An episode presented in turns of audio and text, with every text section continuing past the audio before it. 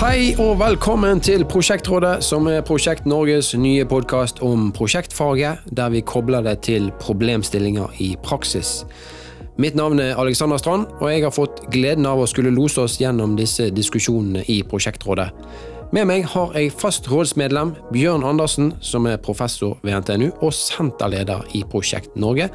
Og I tillegg har vi to rådsgjester som vi straks skal introdusere. I Prosjektrådet har du mulighet til å lufte og få drøftet dine egne problemstillinger og erfaringer fra prosjektbransjen. I Prosjektrådet står vi klar til å hjelpe deg uansett hva du lurer på om prosjekt, prosjektledelse og prosjektstyring. Ta kontakt med Prosjektrådet i dag, så drøfter vi kanskje din problemstilling i en av våre kommende episoder. Send oss dine spørsmål på post krøllalfa prosjektnorge.no.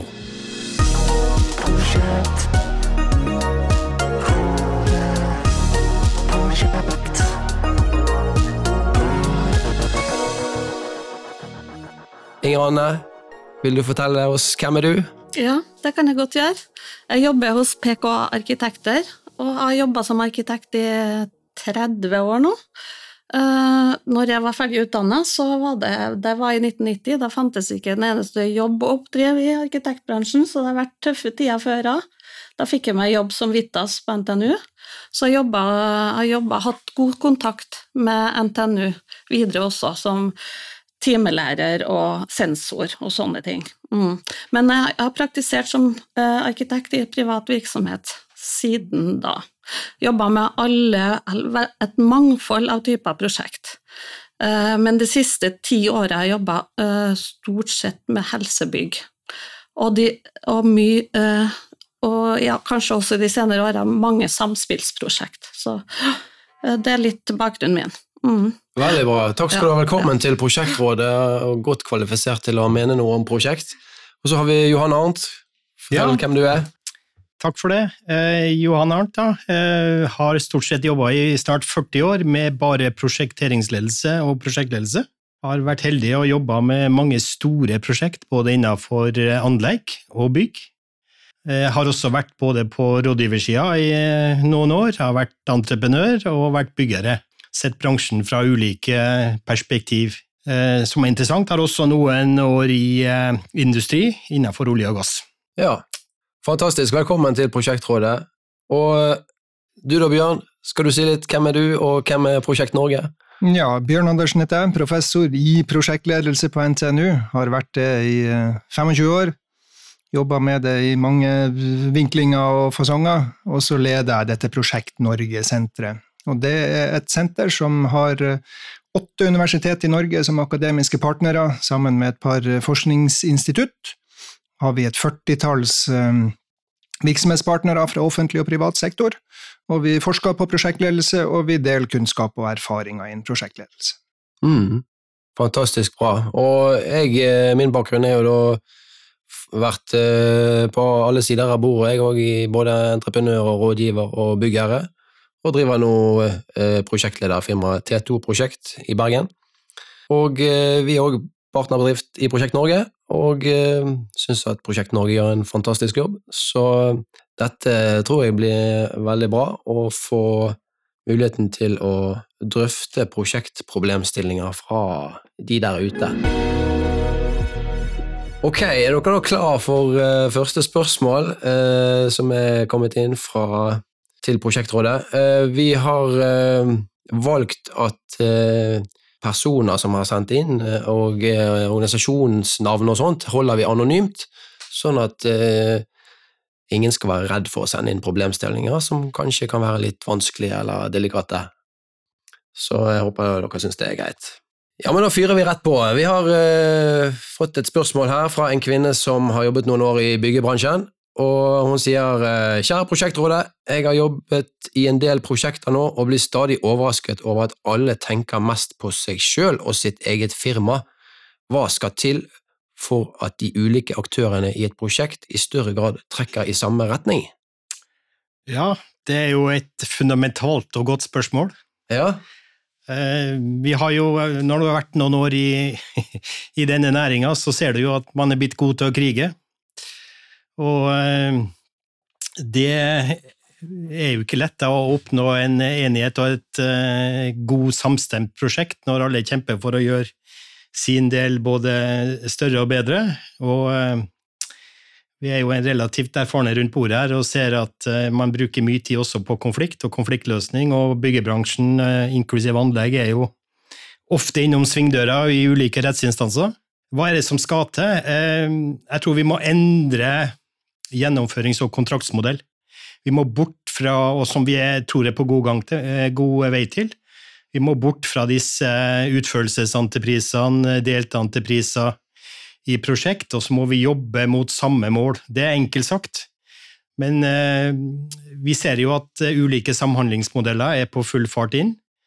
Jeg har jo veldig tro på det, jeg har jobba med det stort sett i de siste 20 årene. Mm hvor eh, man eh, jobber mot samme mål. Men da må du mer og mer bort fra 8405, og 8407 som standard, ja. og etablere noe nytt. Det er jo kanskje litt sånn langsiktig perspektiv for å få til det, da. Hvis du er allerede i et prosjekt, har vi noe vi kan ta tak i der? Uh, det tenker er, er jo Jeg støtter Johan Arnt i det at vi må inn i den mer samhandlingsmodellen, mm. og, og, at vi er i samme båt. Og, og, at det prosjektet som er på et vis i fokus, da, ja, det, det, er kjempeviktig mm. å tenke. Vi, det, vi, det, vi, gjør, det skal være uh, tjent prosjektet.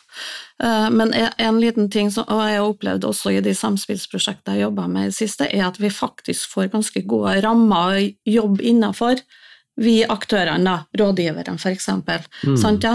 For det, det, har vært en stor slitasje i en sånn typisk totalentreprise, at vi har gitt veldig eh, lav pris på mm. våre tjenester for å få jobben. Ja. Og da blir på et vis den der konflikten oppstår veldig mye fortere. Mm. Ja. Og det syns jeg de, at, at, oss, at vi som jobber inne i prosjekter, har gode rammer å jobbe innafor. Ja, det syns jeg er viktig. Mm. Til prosjektets beste. Ja. Mm, ja. Og spør du økonomer, så vil de jo si at det alltid, de sier det handler om penger.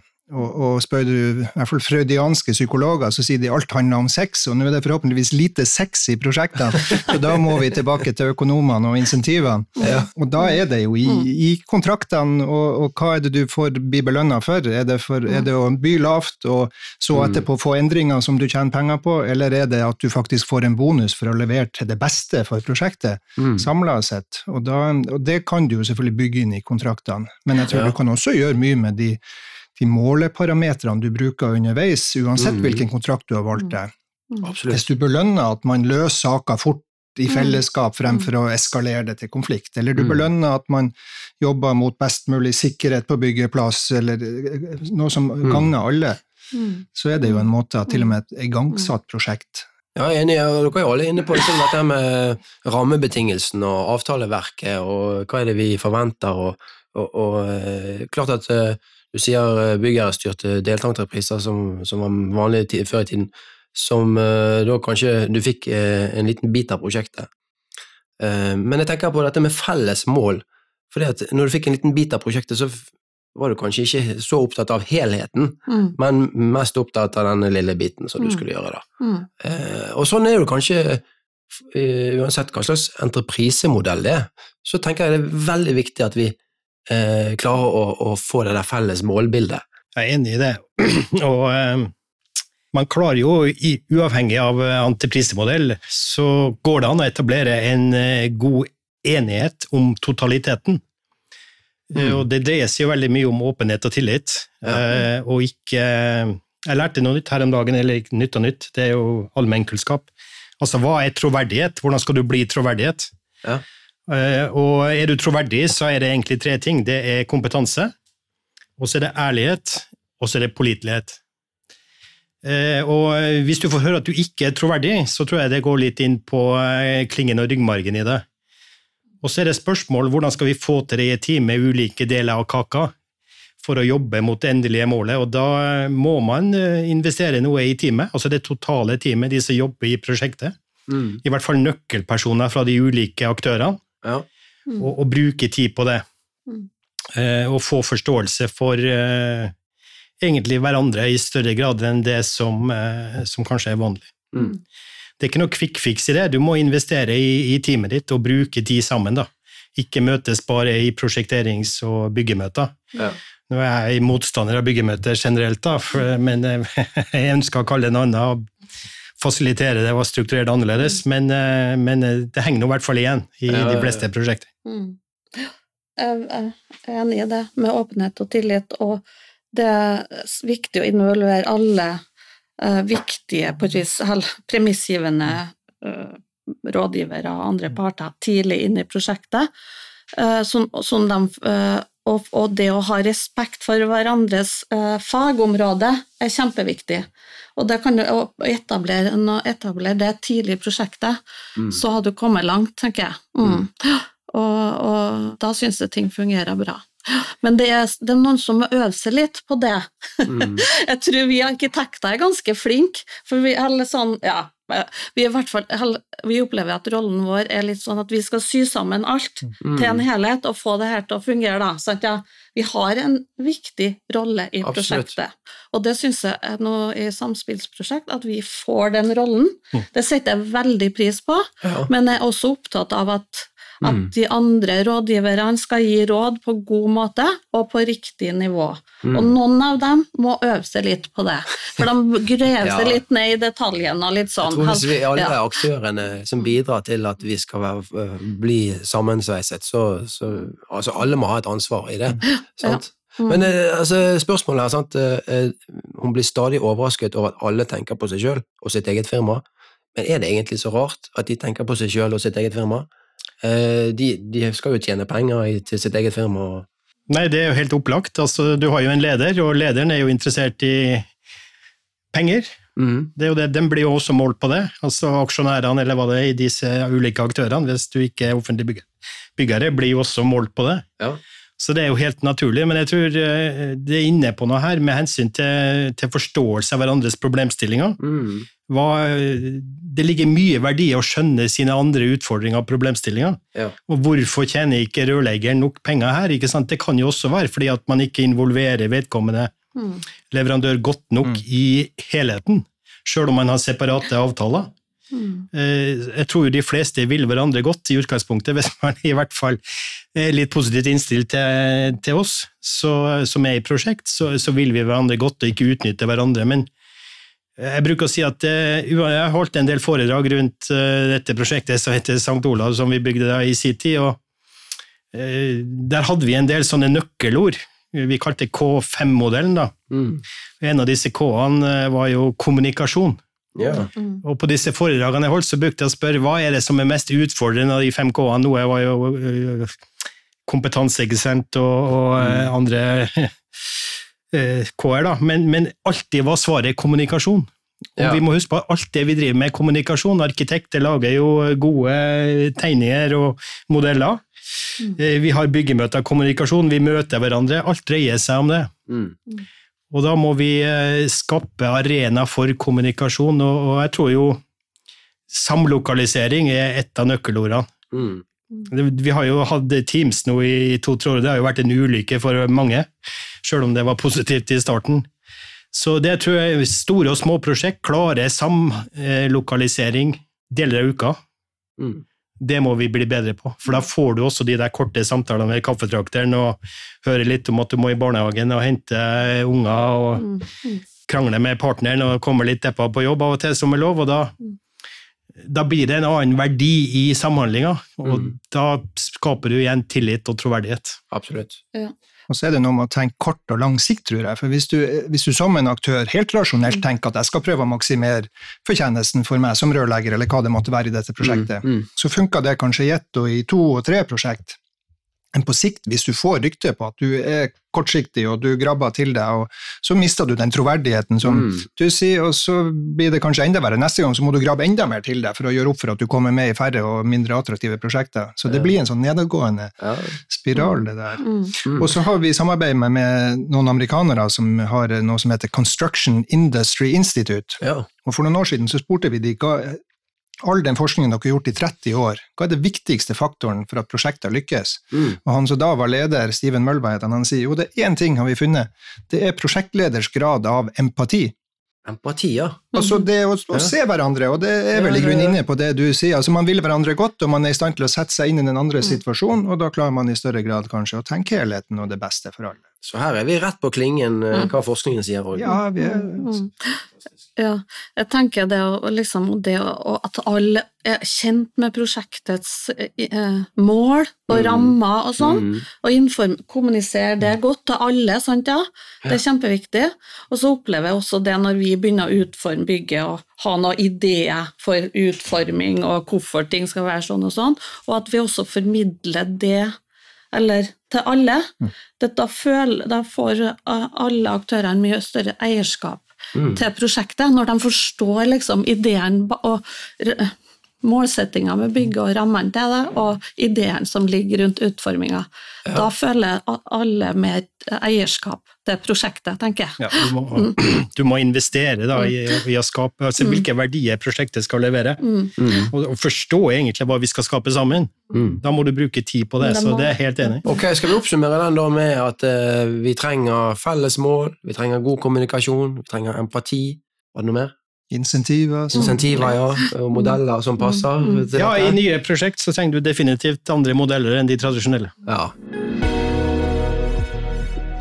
ja, men bra. Det var et eh, stort spørsmål eh, som vi sikkert kunne snakket om i eh, lange tider. Men vi har jo fått flere spørsmål vi til prosjektrådet her, Eh, så jeg hopper videre. Det er en som sier Hei, jeg har et spørsmål om lean construction. Kan dere drøfte pie sharing versus pie expanding, og mulighetsrommet som ligger i det sistnevnte? Verdistyrt prosjektutvikling er buzzord i bransjen. Hvor ligger suksesskriteriene og fallgruvene i slike prosesser? Her var det mye bøssord, spør du meg. er det noen som skjønte det spørsmålet? Jeg tror det, det bygger jo i grunnen på det forrige litt også, vil jeg si. Det har jo med om man jobber sammen mot et felles mål for å gjøre kaka størst mulig, eller om man prøver å grabbe til seg av- av den kaka vi har. Og, og det, det her leder meg hen på sånn spillteori. Ja. Altså, det, hvis, hvis du tenker at du har et nullsumspill, du har en gitt mengde eh, nytte, fordeler å fordele, så er et nullsumspill at jeg øker min andel på bekostning av Inger Anne eller Johan Arnt sin. Mhm. Og da blir det den her, som vi også snakket om i det forrige, tenk kortsiktig og pass på seg sjøl. ja. Hvis du i stedet klarer å tenke at det ikke er et nullsumspill, den, den liksom beskrankninga er ikke der. Vi Ja. kan lage ei større kake, ja. og så kan vi etterpå dele den sånn som det mest egna. Så kan faktisk alle få en større del Mhm. fordi at kaka blir større.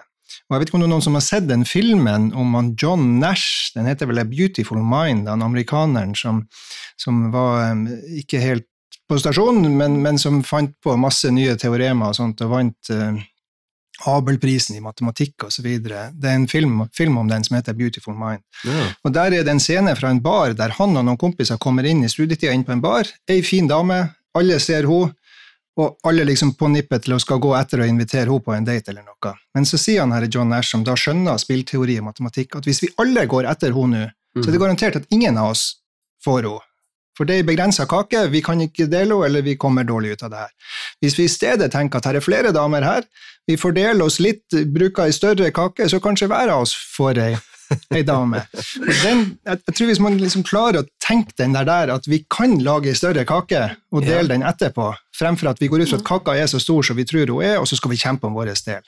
Men det å lage en større kake, det høres ut som du da trenger mer eh, ingredienser, da, for å bruke bakespråket. Sant? Er Mer innsatsfaktorer. Ja så må du ha mer eh, penger på bordet, for å si det sånn. Ja, Fra byggeresida så vet jeg ikke om det passer med å lage kaka større. Altså det, det, men vi må tenke kanskje mer verdi. altså Ja. Hva er verdistyrt prosjektutvikling? Det er jo det at du skal egentlig ha en, en større verdi uten å bruke større, eh, mer innsatsfaktorer. Mm.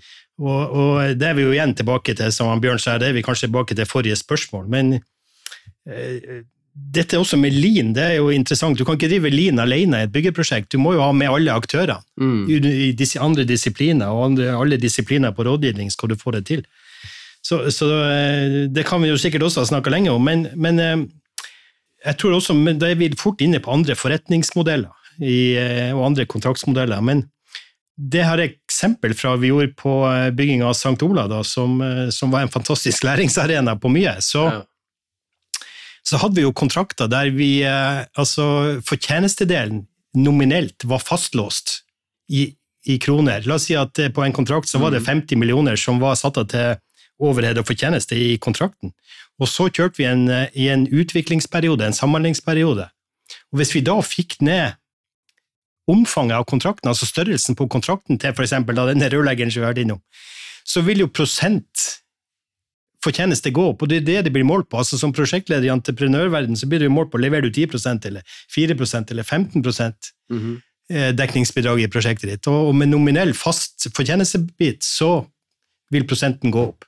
Men hvis du var byggherre og ønsket eh, pie expanding, sant? du ønsket å øke denne kaken din, så rørleggeren måtte gjøre mer jobb, fikk han like mye fortjeneste da? Altså Ja, men det er like akkurat mange den kroner? sammenligninga liker ikke byggeren. Du skal ned, altså du skal da finne løsninger innenfor de ulike disiplinene inne på rørlegger. Mm. F.eks. et gassanlegg eller et brannslukningsanlegg som gjennomføres med andre løsninger som gjør at paien blir mindre. Mm. Altså, kost, kost, kostnaden kan gå ned. Du kan, du kan, budsjettet for prosjektet og det du bygger, kan jo være like stort, men Mm. du bygger det mer effektivt. og ja. Dermed så går kostnaden ned, og det blir mer å fordele som gevinst. Mer å, å fordele, ja. Ja. Du finner smarte løsninger Mm. og, ja, som gir verdi, da. Og Ja. gjør riktige prioriteringer, kanskje. Ja, Mm. vi hadde jo et eksempel hvor, eh, på luft og luftanlegg hvor uh, rådgiversida hadde optimalisert. Det var tre bygg, da, og, og det var ulike størrelser på disse luftaggregatene på de ulike byggene. Mm. og kanskje også innenfor for bygg. Og så kom eh, luftentreprenøren og sa at uh, hvorfor har vi gjort det? Det er egentlig uheldig ut fra et produksjons- og innkjøpsståsted. Mm. Vi ønsker å ha samme størrelse overalt. Vi får standardisert, vi får annen opplæring. Vi kan bruke, bruke dette med læringseffekt i gjennomføring, og Mm. da fikk vi prisene. Ja. Mm. Da ble paien mindre, men eh, fortjenesten ble større. Så, eh, men hvis du skal liksom finne Hvis du bruker det bakespråket, da, sant? hvis du skal En ingrediens som øker paien, er jo kanskje gjær eller eh, bakepulver. Eller sånn, sånn. Er det noen ingrediens eh, vi kan putte inn i prosjektene som bare får Er det den der faste fortjenesten din som du snakker om, eller er det noen andre ting vi kan Eh, putte inn i prosjektene? Det jeg tenker fra vårt ståsted, vi jobber jo veldig mye med å finne gode, effektive planløsninger, da. Sant, ja? Ja. Rasjonell bruk av areal Mm. ser vi på som en viktig eh, ja, eh, suksessfaktor for et godt prosjekt. Sant, ja. Og det at du kan finne rom som kan sambrukes, og rom skal er der for å brukes. for å si det sånn. Så det er jo en sånn slags Det jobber vi jo med, og det må vi jobbe sammen med de andre med. Og sånt, ja, i forhold til, Det kommer jo alle andre kraver som kommer inn i et rom, og det, det er jo andre areal som med tekniske ja, eh, rom og sånne ting eh, som kommer inn i et prosjekt. Men i hvert fall så kan det på et vis gi Jeg tror det kan gi merverdi på mange måter. Og da blir det jo en slags gjær, for da blir jo den, Ja. den paien som blir større, er jo da Ja. den nytten og verdiskapninga som skjer i bygget etterpå, enten Ja. det er et kommersielt bygg eller det er i skole, et museum eller hva det er, så Ja. skjer det mer nyttig aktivitet i bygget Ja, hvis det er løst på en god Ja. måte, sant, ja? og at rommet er så fleksible at de kan brukes på flere måter Mm. og sånne ting.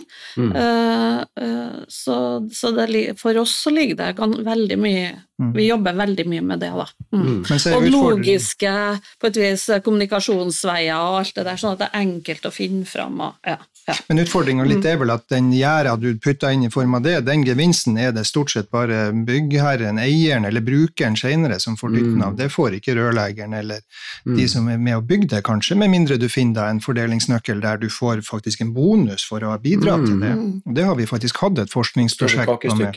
Ja, Vi har diskutert det med de store rådgiverne, at i stedet for å timebetalt Mm. La oss si at de la inn en komponent at hvis, hvis, hvis trivselen i skolebygg eller karakterene er bedre, eller et eller annet liksom etter fem år i drift, så Mm. får du en bonus for det. Ja. Da er det også en måte å la den der gjerda øke gevinsten som du kan fordele. Men da må du utsette betalinga litt, og det kan jo være Det er sikkert veldig vanskelig Det er ganske mange faktorer som Det det. gjør at en elev får gode karakterer. Ja, det, det er veldig komplekst å måle men- sånne ting etterpå. Men, men det kan være så veldig som, da. men det kan være så konkret som energiforbruket, f.eks., som kanskje Ja, i veldig ja. stor grad avhengig av Ja. tekniske løsninger. Ja. Så Jeg tror jo hvis du har, eh, holdt på å si, du har eh, mel, gjær og andre ingredienser som skal til for å lage ei god kake, så hvis du har fem forskjellige bakere, så tror jeg du vil få fem forskjellige resultat uansett. Ja. Og der er du inne på egentlig det som er ekstremt viktig. Det er jo, som jeg har en sånn enkel modell for å sette sammen eh, team, da, det er kompetansen må være der. og så må du strukturere dette teamet riktig, og så er det gjennomføringsevne til teamet. Og, og, eh, det er klart, Har du en, en, dårlig baker som ikke har gjort det før, så vil du jo få et, kanskje et interessant resultat. Det kan jo bli bra, men det er jo en risiko av en annen verden. Har du en som eh, har vært eh, på Norges landslag i, i konditorfaget, så vil du få et helt annet resultat. Mm. Og, og, det er også her arkitektene kommer inn når du skal sette pynten på kaka. For det, jo, det skal jo være attraktivt, disse prosjektene også, ikke sant? Så, så vi trenger alle. Men, men, det å få tak i rett kompetanse og ha større fokus som innkjøper, enten du er privat eller offentlig, på, på kompetansebiten, det, det, trenger vi fremover. Mm. Men jeg tror eh, et stikkord her er jo verdi. Det, eh, det, ligger i spørsmålet her òg. Verdistyrt prosjektutvikling. Hva er det som gir verdi, da? Eh, og Inger Anne, arkitekten bidrar jo med mer verdi enn selve pynten på kaken, vil jeg ja. tro du tenker? det tenker jeg, ja. Mm. Så, så, det å koble mm. denne paien til Altså størrelsen på paien må være Det må jo være verdi. Mm. For du kan jo bygge store bygg som nødvendigvis ikke gir mer verdi enn et mm. lite bygg. Ja, vi er opptatt av at vi skal skape arkitektur som gir merverdi. Mm. Det er vel bygga Det er jo med på å forme omgivelsene våre. Ja. Ja. Mm. Og det er kjempeviktig, det vi gjør. Mm. Og de står jo der for all framtid. Mm. Og de skal gi verdi uh, til uh, dem som skal bruke bygget, men de skal også gi verdi til dem som skal gå forbi bygget, og dem, den byen det står i, og alt det der. Så det er mm. et stort ansvar vi som arkitekter har for å uh, utforme gode bygg som gir merverdi. Og noen mm. kan jo være så sterke bygg at de, sant, at de tiltrekker seg turister og alt mulig sånn, men det er jo enkeltstående sånne symbolbygg. Mm. sant ja? Jeg er opptatt av hverdagsarkitekturen, at den også skal gi merverdi. da. Mm. Eh, gode uterom, eh, mm. ja, gode fasader, liv i første etasjen. Mange kvaliteter som er kjempeviktige. Som, mm. Hvem, hvem definerer hva som er verdi i et prosjekt? For det er jo så mange typer verdi som du er inne på her nå. Mm. Nei, eh, det som jeg syns har vært så vanskelig altså, fordi at jeg jobber jo mot andre aktører, og da en snakker om en VVS Nei, det må være så mye luft, ellers så blir rommet ikke mulig å være i. og Det må være så mye lys, og alle ingeniørene de greier å sette tall på ting. sant ja? Mm, mm. Mens vi arkitekter, vi vi, vi snakker om verdier som er eh, vanskelig å tallfeste, mm -hmm. men som er veldig, veldig viktige. Sånn at atmosfæren i et rom er, er like viktig som lufta. Ja. ja. ja. Uh, så, så, så det, jeg mener at, vi, at, at, eh, det er en del verdi, viktige verdier som er litt vanskelig å måle, da. Mm rett og slett. Men kanskje vi skulle bli flinkere til det. Og nå er det jo sant med, det, med de, eh, FNs bærekraftsmål, så er vi jo det med sosial bærekraft er jo liksom løfta, er jo en ting som vi bruker nå, da. Sant, ja? Mm. Skap møteplasser, skap gode rom mm. som gir sosial aktivitet og sånne ting. Mm. Så ja. Mm. Ja, for det er jo ikke alltid det som står i bestillingen fra, fra byggherren, eller at, at, det er bare det som er verdi. Sant? Det kan være mye mer. Mm. Eh, og kanskje noe vi ikke ser, noe mm. som kommer om i neste ja. generasjon. For eksempel sant, at du bygger eh, fremtidsretta eller fleksibelt nok, eller det, Ja, det er veldig mange, mange ting som ja, så, mange, Hva heter det? Mange egenskaper er et bygg, da. Ja. Veldig mange egenskaper. Jeg kom på en ting. Nå er vi jo i vakre eh, Trondheim, mm. og mm. dere har eh, en uh, fin kirke her som heter Nidarosdomen. Mm. En katedral heter det. Katedral, ja. ja det var kanskje, kanskje, feil å kalle det kirke, men uh, uansett. Uh, jeg leste en artikkel her i en gammel avis der det sto at Nidarosdomen var faktisk den gangen det ble bygget eller kanskje det er sammenlignet med andre, et av de verste prosjektene noen gang med tanke på eh, kostnader, eh, fremdrift og eh, ikke minst HMS eller SOA og masse dødsfall og mm. diverse. Men hvis du mm. ser i dag, hvilken verdi har det prosjektet skapt? Mm. Det tror jeg er ganske formidabelt for ikke bare Trondheim, men hele landet. Refleksjoner om det? Du, du er jo inne på noe der, men i sånn prosjektsammenheng så tror jeg vi må over til effektmåler. Altså, det finnes alltid en investor, en byggere, som initierer prosjekt. og, Og eh, jeg tror vi skal være litt tro mot det som heter effekt og samfunnsmål, og det er jo det Inger Anne er inne på, egentlig. Mm. Og, og da er du inne på verdibegrepet, og da er det jo ikke bare kroner og øre, men det er andre ting som, som vektlegges. Og det kan godt hende vi må bli flinkere da til å definere disse effektmålene. Jeg ser jo ofte at de, de blir veldig runde, og de, det kalles mål, men, men, eh, det er ikke så lett å definere om hopper du over, eller, Mm. eller kommer du på målstreken på disse effektmålene og samfunnsmålene. Så der kan nok eh, Prosjekt Norge, kanskje også andre, bidra til å få definert de sånn at eh, det blir klarere, som Inger Anne er inne på. Altså, hva er opplevelsen for de som skal bruke dette bygget, utover det å bare gjøre sin daglige dont? Mm. Eh, Kan det brukes i større grad på ettermiddagen, f.eks. Et, eh, et undervisningsbygg eller et næringsbygg? Kan vi åpne et næringsbygg for, eh, for grenda eller allmennheten Mm. på kveldstid? Så vil jo bygget få mye større verdi der det plasseres. Så jeg tror vi må også i det som, som har tatt frem dette med bærekraft og miljø, så må vi utnytte infrastrukturen i større grad enn det vi har gjort tidligere. Så kanskje vi kan si at en av fallgrubene i verdistyrt prosjektutvikling kan være at ikke vi definerer verdi godt nok Mhm. i målene. Ja, jeg har jo vært på kurs hos Prosjekt Norge eller NTNU før om, eh, med Ole Jonny Klåkegg, og han har jo en innlegg hvor han definerer verdi, og det er, ikke, det er lite kroner og øre der, altså. Det er Ja, ja. andre ting som, som er viktig. Mm. Og tenk du, hvis du bygde bolig også, så blir det jo alltid for dyrt, og vi bommer jo alltid, de av oss som har prøvd å bygge bolig eller kjøpe leilighet eller bygge om, at Mm. det blir jo stort sett dyrere enn det vi tror. Men det er jo fordi at vi legger kanskje inn en større verdi. Jeg hørte jo forrige, jeg var jo på veisida inntil for et år siden og, og hørte et innlegg av, eh, av samferdselsministeren, Hareide, som var den siste i forrige regjering. og og han tok jo den der kjøkkenvarianten, da, at vi måtte bli flinkere til å kanskje kjøpe et IKEA-kjøkken istedenfor å kjøpe HTH eller disse andre designkjøkkenene. Mm. Jeg vet ikke om det var så godt eksempel, men, men det er klart, det, det funksjonaliteten Mm. og verdien for den som, som kjøper et IKEA-kjøkken, kan jo være vel så stor som en som har råd til å kjøpe et designkjøkken. Mm. Men, men eh, han som stilte spørsmål her, spurte jo om dette med verdibasert eh, prosjektutvikling, verdistyrt prosjektutvikling, og at det er et buzzword. Men vi har jo et annet forskningsprosjekt, som, eller program, som heter Concept, som har studert alle de store statlige investeringene. Mm. Og der er det jo for å nå opp i finansieringskampen, der så er det jo at du skal jo vise til både de konkrete leveransemålene, og så skal du vise til effektmål, som Johan Arnt sier, og så skal du vise til samfunnsmål. Mm. Og jo lenger ut du kommer i samfunnsmål, så, så begynner det jo å være det vi kaller ofte ikke-verdi, ikke-prissatte virkninger, og da begynner det jo å være ting som at du får et større arbeidsmarked, kanskje, som kan gi pendling, og, eller du kan gi byutvikling eller næringsutvikling i regionen som før ikke hadde en vei, eller, Ja. eller sånne ting.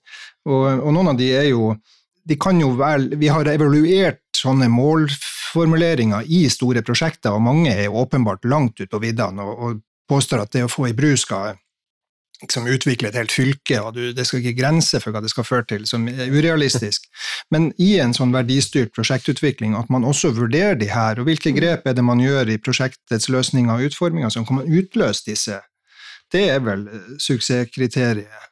Men, men så tror jeg en fallgruve er at man, man risikerer at du skaper noen forventninger hos mottakerne og miljøet rundt et prosjekt som i det øyeblikk du er invitert til den diskusjonen, så skaper du kanskje noen forventninger som du aldri Mm. vil være i stand til å tilfredsstille. Mm. Og da får du skuffa interessenter i stedet. Mm. Nei, jeg reflekterer litt rundt det du sier nå i forhold til at om et bygg skal bli en suksess, da. Eller Mm. det, ja. Og da, det, er, det er min erfaring i hvert fall å ta med dem som skal bruke bygget i utviklinga av, av prosjektet. Eh, at de er involvert og, for, for, og er med på de valgene og prioriteringene som blir gjort underveis. Og da får de, så st- får de en veldig sterkt eierskap til det. Mm. Og når de tar, da tar det i bruk, så er det så mye enklere å sette, sette bygget i drift, da.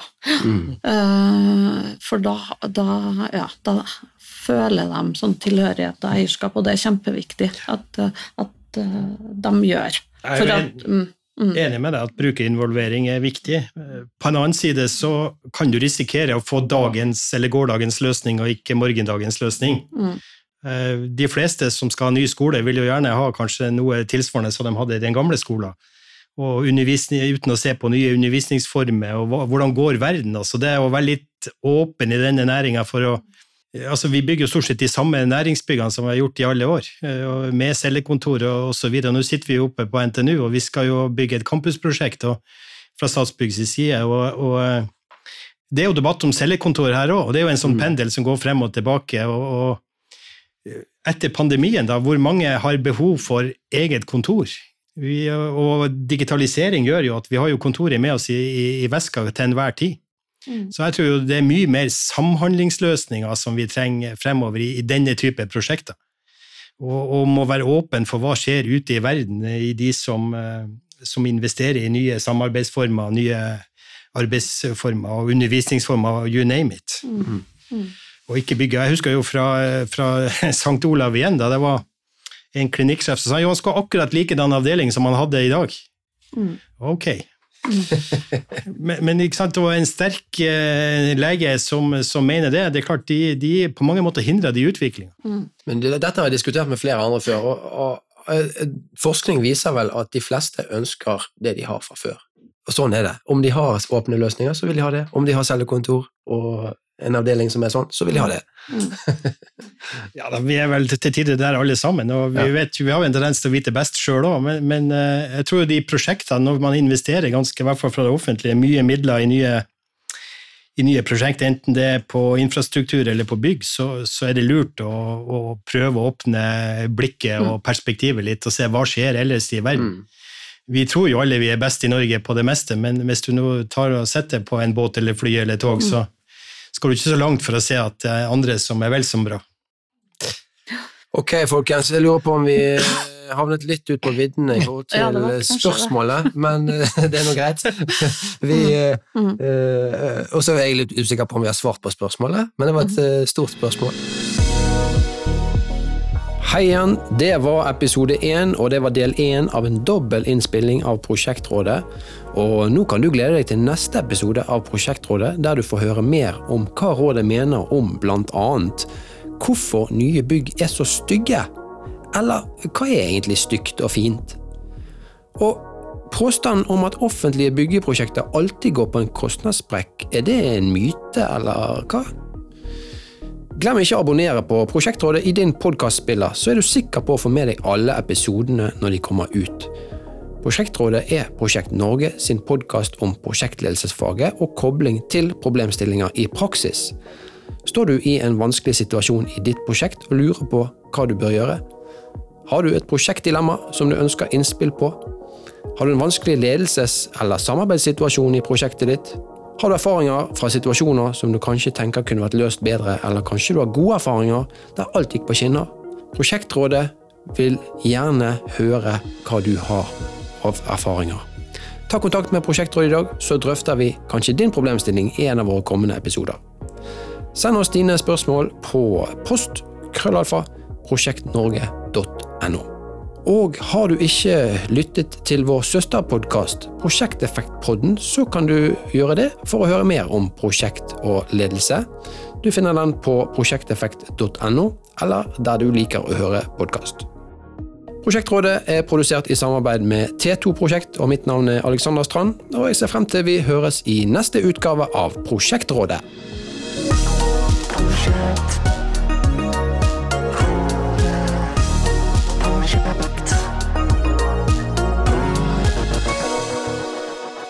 var det mye buzzord, spør du meg.